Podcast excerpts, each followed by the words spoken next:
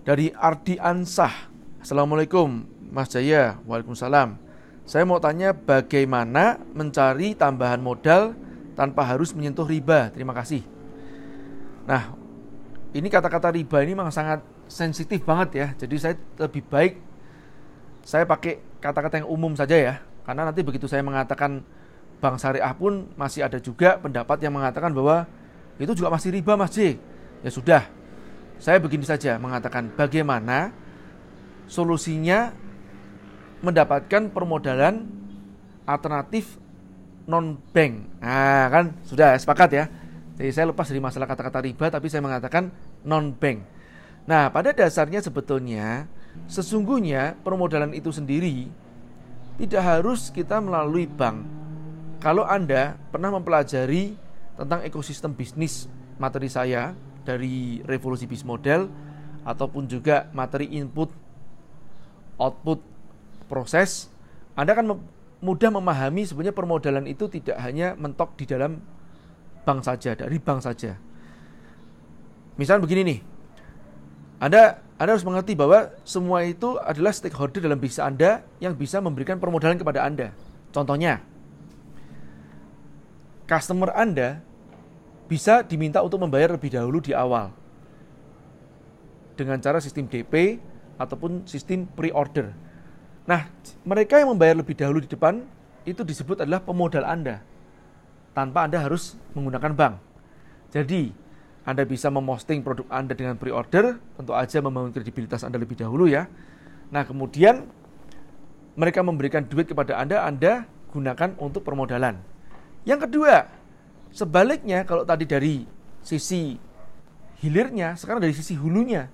Sisi hulu itu siapa? Supplier atau kontraktor Anda. Anda bisa meminta Anda meminta mereka untuk membayar untuk dibayar mundur. Nah, kalau mereka mau dibayar mundur, katakanlah nih, setelah Anda dibayar atau misalkan dua minggu, satu bulan, minta dibayar mundur, minta pembayaran mundur, Nah, Anda otomatis bisa mendapatkan modal dari mereka lebih dahulu. Ya, sehingga setelah itu barang jadi kemudian dibayar oleh pihak si customer atau hilir Anda. Bisa kan? Yang lain bagaimana Mas Ci? Yang lain bisa pakai crowdfunding. Ya. Bisa pakai modal talangan. Modal talangan itu seperti apa? Misalkan begini nih. Anda bisa mengatakan kepada kawan Anda, "Eh, aku dapat project nih Nah, cuma nggak punya duit nih, mau nggak? Kamu nalangin duluan. Nah, bisa kan? Anggap aja dia sebagai investor, nanti bisa bagi hasil dengan mereka. Banyak banget sebetulnya alternatif permodalan non-bank saat ini. Kalau di zaman dulu memang berat untuk mendapatkan itu, sekarang sangat mudah. Nah, ini lepas dari masalah bank yang sekarang pun juga sudah ada namanya fintech.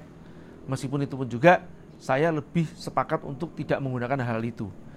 Ya, ini terbukti sebetulnya dengan growth organik ya. Growth organik itu seperti apa Mas J? Mendapatkan permodalan dari laba yang ditahan. Jadi misalkan Anda memiliki laba sebesar 20%. Sudahlah, bertumbuhlah dari situ saja. Growth yang organik sering kali lebih bagus dibandingkan growth yang non organik. Kenapa? Karena growth organik ini sejalan dengan kedewasaan berpikir kita, sejalan dengan pertumbuhan leadership kita, sejalan dengan pertumbuhan corporate culture kita. Itu tips dari saya. Anda bisa obrak-abrik alternatif permodalan non-bank materi saya ataupun juga permodalan dan partnership dari video-video saya di formulabisnis.id. Terima kasih.